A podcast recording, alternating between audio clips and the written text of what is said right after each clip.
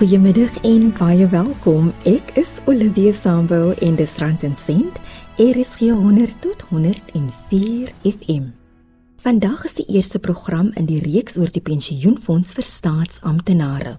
Die program word met trots aangebied deur SAK Radio Opvoedkunde in samewerking met die Pensioenfonds vir Staatsamptenare. SAK Opvoedkunde verryk denke, verryk lewens. Amelia Hartzenberg is 'n kliëntedienskonsultant by die Pensioenfonds vir Staatsamptenare. Sy werp meer lig op wat die fonds behels. Die Government Employees Pension Fund is 'n regeringsfonds. Alle departemente in die government behoort aan hierdie fonds. So hulle voorwaardes hoe hulle aangestel is gaan bepaal of hulle by die fonds aan kan sluit al dan nie. In Suid-Afrika kry ons gewoonlik jou provinsiale departemente, dan kry jy nasionale departemente, maar dan kry jy iets soos local government. So local government se mensies behoort nie aan die GEPF nie. So dit is basies jou provinsiaal en dan jou nasionaal. As ek 'n voorbeeld mag gebruik, jou gesondheid departement. Hulle behoort aan GEPF want dit is 'n provinsiale departement dan kry jy nasionale departemente wat soos jou polisie diens of korrektiewe dienste. Hulle behoort ook aan die GEPF. Weens berigte oor korrupsie en bedrog wat gedurig in die nuus is, is lede bekommerd oor hulle pensioen. Die vraag wat ons deesdae baie kry, nê, is hoe veilig is my geld? Want die mense raak bekommerd van al die roemers wat hier rond te doen. Mense wil hulle geld vat in van die skip afspring. Nou wat die lede moet weet is dat die GEPF is 'n vasgestelde voordele fonds, 'n defined benefit fund soos die mense maar dit ken. Nou 'n defined benefit fund is basies 'n tipe fonds waar ons uitbetaal volgens vasgestelde formules volgens die reëls van die fonds. Die lid dra nie die risiko nie. As daar 'n defisit is, nê? Nee? As daar te min geld is of as daar te veel geld is, die lid deel nie in verliese nie. Hy deel ook nie in surplusse nie.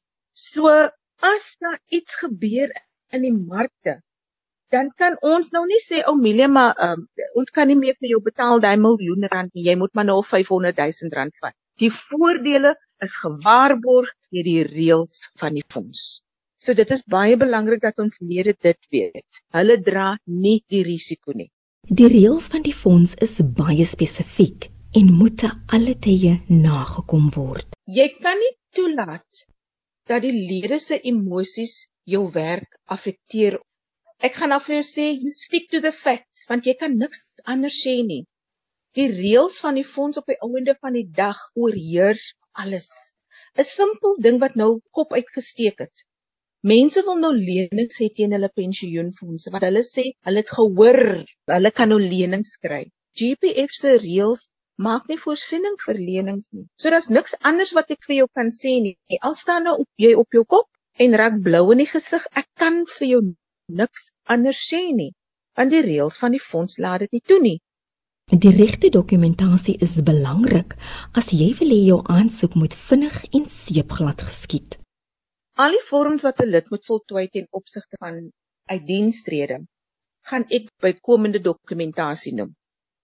Die hoofdokument word mos maar nou deur die personeelbeampte op ons PCM stelsel gelaai. Hy of sy die lid het geen toegang tot daai vorm nie. Maar die vorms wat wel in hulle domein is, is die bankvorm Z894 dan mag geen foute op daai vorm wees nie. Dan is die keusevorm as jy nou bedank of aftree. Jy moet vir ons sê by bedanking, wil jy jou geld in jou eie rekening hê of moet dit oorgeplaas word na 'n eksterne fonds? En dit gaan bepaal op die einde van die dag watter addisionele vorm moet ontwy word. Eie rekening Z894 As jy die geld oorgeplaas wil hê na eksterne fonds toe Z1525, dan mag geen foute wees op die forums nie. Geen geen foute nie. Moet 100% reg voltooi word. Lede moet ook kennis dra van die veranderinge wat in 2019 in werking getree het ten opsigte van die gade pensioen. Dan by aftrede 1 November 2019 was daar 'n nuwe vorm geïmplementeer. En hierdie vorm is die ESP1 wat die lid vir ons sê hoe hy of sy wil voorsiening maak vir sy gade vir 'n maandelikse pensioen. Nou in die verlede het ons soort van 'n blanket approach gehad.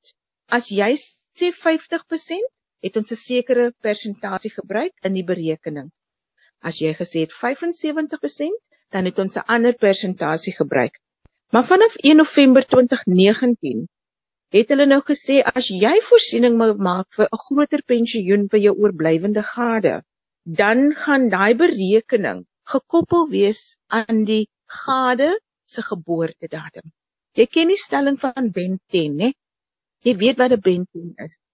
Nou verbeel jy vir jou. Ek is 'n tannie van 60 jaar oud en my man is 45. In die ou bedeling het ek voorsiening gemaak het vir my 45e man vir 75% maandelikse pensioen. Dan het ek 'n baie baie klein persentasie ingeboet om voorsiening te maak vir hierdie maandelikse pensioen. En onthou dit gaan 'n lewenslange gade pensioen wees vir my benteen. En 'n maandelikse pensioen, gade maandelikse pensioen, die lid het nie bygedra vir daai voordeel nie. It's a non-contributing benefit. So met ander woorde, dit kom uit die fonds se sakke uit om hierdie benten te betaal. So nou het die reëls van die fonds verander en gesê luister. Jy het 'n 45-jarige man. So jy sal moet opdok om voorsiening te maak vir hierdie maandelikse gade pensioen. En dan doen hulle berekening na gelang sy ouderdom en dit is hoe dan die voorbeeld verminder gaan word. Net sy lamsam of maandelikse pensioen om voorsiening te maak vir die pensioen vir my gade.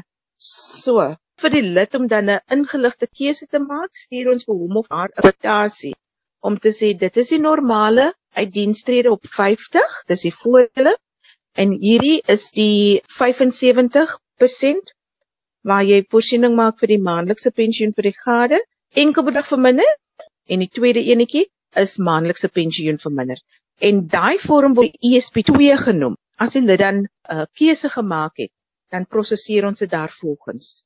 Dit was Omelia Hartzenberg van die Pensioenfonds vir Staatsamptenare in die Wes-Kaap. Vir meer inligting kan jy na enige van die instap dienssentrums toe gaan of een van die satellietkantore besoek. Jy kan ook die pensioenfonds vir staatsamptenare skakel op die tollvrye nommer by 0800 117 669. Oproepe na die nommer is gratis vanaf enige Telkomlyn. Of besoek die webtuiste by www.gepf.co.za. Ons gesels nou verder oor die pensioenfonds vir staatsamptenare. Amelia Harsenberg van die fonds sê COVID-19 het ongelukkig tot vertragings gelei. Ten opsigte van prosesering, dit vind alles by ons hoofkantoor plaas. Van my kollegas was genoodsaak om van die huis af te werk om in lyn te wees met die gesondheid se reëls wat daar gestel was. So met ander woorde, ons het 'n groot backlog gehad ten opsigte van die prosesering van eise en ons is nog tans besig om te herstel daarvan. Ek kan nie sê dinge is normaal nie. Kaapstad kantoor is dinge normaal, maar as die omstandighede dit nie toelaat nie, dan kan almal nie terug wees by die kantoor nie. So dit het ons geaffekteer, maar Kaapstad kantoor is hulle is 100. Hulle is reg. Hulle doen wat hulle moet doen. Ons hoofkantoor, hulle ongelukkig het ons nog altyd 'n groot backlog, hoor ten opsigte van betaling van gevalle. Jy kan egter nou aanlyn registreer by die selfhelpdiens. En jy kry dan 'n e-pos en die e-pos sê klik hier, verander jou wagwoordjie en jy het toegang tot voordele state. Jy kan jou nominasies, genomineerdes kyk wie dit is, jy kan dit opdateer. As jy 'n pensionaris is, kan jy jou eie eh, betaalstrokies gaan trek. Alle korrespondensie wat uitgegaan het, is beskikbaar op die stelsel indien jy uit diens uitgetree het of jy is nog besig in die proses om uit diens uit te tree, kan jy uit diens tree vorm, daai Z102, kan jy volg waar dit is elke dag. So dit is vir my 'n fantastiese aanvulling wat die fonds gemaak het. Veral vir diegene wat so ver weg bly vanaf ons instapdienssentrums. So jy hoef nou nie meer 100 of 200 km af te lê nie. Ons is so opgewonde oor 'n um, stapie verder wat in die nabye toekoms geloods gaan word. Dieselfde diens, maar dit gaan 'n app op jou foon wees. Jy hoef nie eens 'n Android foon te hê nie. Dit gaan uh, compatible wees vir gewone selfone ook. Sê, "O, oh, maar dis fantasties." So watter rede het jy om nie ingelig te wees nie? Want kyk, indien daar roemes in die rond te gaan, word daar onmiddellik word daar briewe uitgestuur, press releases en jy kan dit sommer op jou foon gaan kry. Uitdienstredes kon egter steeds soos normaal verloop, want dokumente word elektronies gelaai deur jou menslike hulpbronne departement. Vir die afgelope paar jaar doen ons aansoeke of uitdienstredes volgens PCM, Pension Case Management. Baie mense is bewus van hoe e-filing van SARS werk. Jy kan in die gerieflikheid van jou huis kan jy jou e-filing oplaai en aan SARS gee. Dieselfde met die GEPF deesdae. Jou ehm um, personeelbeampte laai die dokumente elektronies op en dit gaan na ons hoofkantoor toe in Pretoria. Die submission van uitdienstredes was nie regtig gekneelter of geaffekteer nie. So alhoewel ons baie van my hoofkantoor se mense by die huis was, het die HR mense van die verskillende departemente nog steeds dokumentasie oorhandig en gesubmit via PCM. So daar is nie 'n risiko ten opsigte van hulle moet nog soos in die ou dae dokumente na ons kantoor toe bring sodat ons dit prosesseer nie. Alles is elektronies. Daar mag geen foute op enige van jou dokumente wees nie, want die stelsel sal die aansoek verwerp as daar enige teenstrydigheid is en dit kan lei tot vertragings. As jy wil hê 'n eis moet uitbetaal word, die eerste keer wat jy dokumentasie aan ons oorhandig, moet daai dokumentasie 100% reg ingevul wees. Alles begin by die lid. As ek 'n simpel voorbeeld vir jou kan gee. As ek 3 name het op my ID dokument, kan jou dokumente nie net twee name hê nie. Jy kan nie uitbetaal word nie. Die dokumente moet ooreenstem. As jou handtekeninge verskil op jou sê twee of drie verskillende vorms.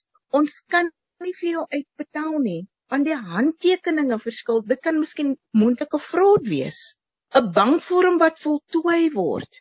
Daar mag geen regstellings gemaak word, krisis uitgekrap word en oorgeskryf word met 'n handtekening daar langs aan nie. Dit kan nie so uitbetaal word nie, want op die ou einde van die dag kan dit weer neerkom op fraud. Maar die stelsel is nou so gefine tune, nee, So terwyl my HR nog besig is om die geval op te laai, dan word daar 'n uh, Department of Home Affairs check gedoen. Dan vra hulle die inligting wat hierdie HR nou capture, stem dit ooreen met met Home Affairs se inligting. As hulle die bankbesonderhede capture, dan vra ons stelsel vir die bank alreeds, is hierdie bankbesonderhede regtig hierdie persoon se bankbesonderhede? En as een van hulle nie reg is nie, gaan hy dokument nie hulle domein verlaat na ons toe nie. So hulle kan nie vir ons verkeerde inligting gee nie. En dan moet jy ook onthou om 'n nominasievorm in te vul, want dit sal aandui aan wie geld uitbetaal moet word as jy tot sterwe kom. 'n Nominasievorm gebruik ons gewoonlik as 'n lid in diens en tot sterwe kom of as 'n pensionaris tot sterwe kom binne die eerste 5 jaar nadat hy of sy uit diens uitgetree het. So met ander woorde, ons betaal enkel bedrag volgens die nominasievorm. Die lid sê vir ons, as ek tot sterwe kom, Pietie, Jannie en Sannie moet my geld kry. Dis basies wat dit deurgee. Maar weet jy, dit is baie hartseer om te sê dat 80% van ons doodseise wat ons skryf, het nie nominasievorms om rekords nie. So, nou moet ons weer gaan kyk, wat sê die wetgewing dan nou? Indien nou Amelia nie 'n nominasievorm het nie, wie kan aanspraak maak op hierdie geld? Want nou sê jy nou eintlik enigiemand kan maar die geld kry want die lid het nie 'n nominasievorm voltooi nie. Maar die JEP law, ons wetgewing gee 'n baie strikt guideline om te sê enige persoon wat wettiglik en finansiëel afhanklik was van die oorledene soos op datum van dood kan aanspraak maak op geld. Dis baie moeilik want op die einde van die dag moet ons 'n besluit maak wie van hierdie geld gaan kry. Die reëls van die fonds ten opsigte van maandelikse pensioene is baie duidelik, maar waar dit kom by enkel bedrag, dit is eintlik die lid se stem wat gehoor moet word deur 'n nominasie voor. Dit is ook van kardinale belang om jou kontakbesonderhede op datum te hou, veral as jou nommer verander het. Weet jy, ek kan nie genoeg stres hoe belangrik dit is nie, want hoe anders gaan ons vir jou in die hande kry? Daar is vorms wat voltooi kan word om jou besonderhede op datum te bring. Daar is instapdienssentrum wat jy kan gebruik om jou kontakbesonderhede op datum te hou. Want hoe anders gaan jy weet daar's iets verkeerd. So die stelsel stuur outomaties hierdie inligting uit.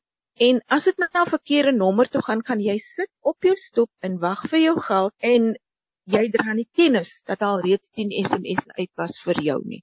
Dit was Omelia Hartzenberg wat gesels het oor die pensioenfonds vir staatsamptenare. Ons sal weer die reeks in Januarie hervat. Ek is Olivia Sambo en ek groet tot volgende week. As jy weggaan vir die vakansie, wees veilig en bly veilig.